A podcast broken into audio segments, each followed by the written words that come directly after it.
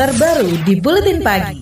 Rapat Koordinasi Kemenko Perekonomian memberi waktu satu minggu kepada Kementerian Perhubungan untuk mengevaluasi tarif batas atas tiket pesawat yang menjadi keluhan masyarakat. Menteri Perhubungan Budi Karya Sumadi beralasan penurunan tarif batas atas tiket pesawat demi kepentingan masyarakat. Ya makanya nanti akan kita lihat harapan kita event batas atasnya itu turun masih tetap dalam range yang ekonomis untuk penerbangan. Kan kalian tahu eh, tarif tertinggi sebelum ini Garuda itu paling-paling 60% sampai 70% dari tarif batas atas karena persaingan dengan yang lain.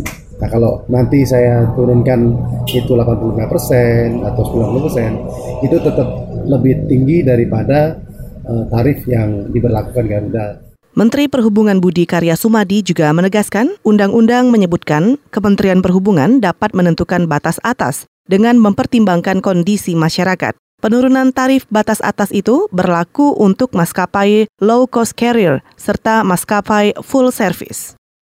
Yayasan Lembaga Konsumen Indonesia atau YLKI menilai Kementerian Perhubungan tidak konsisten dengan regulasi tarif batas atas tiket pesawat.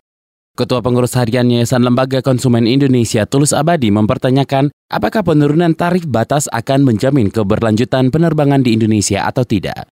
Karena kan logikanya justru dengan adanya kurs dolar yang naik tajam, aftur dan segala macam, evaluasinya bisa aja malah evaluasi ke atas mestinya. Itu yang saya kira mesti pemerintah harus hati-hati.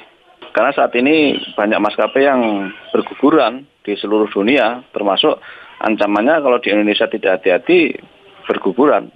Ketua Pengurus Harian YLKI Tulus Abadi juga meminta agar Kemenhub untuk berkoordinasi dengan operator untuk menge mengevaluasi tarif sebagaimana yang tercantum dalam Undang-Undang tentang Penerbangan.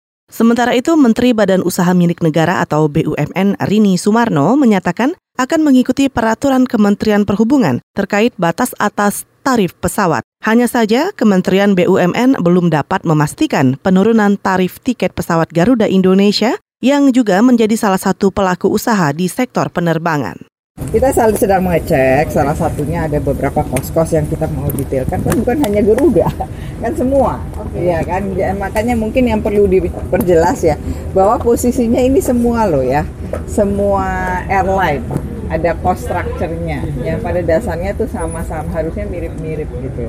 Nah, apa namanya ini yang sedang kita lihat ya. Nah, Menteri BUMN Rini Sumarno juga menyerahkan keputusan untuk mengikuti kebijakan penurunan tarif batas atas tiket pesawat kepada Garuda Indonesia karena Kementerian BUMN hanya regulator badan usaha milik negara.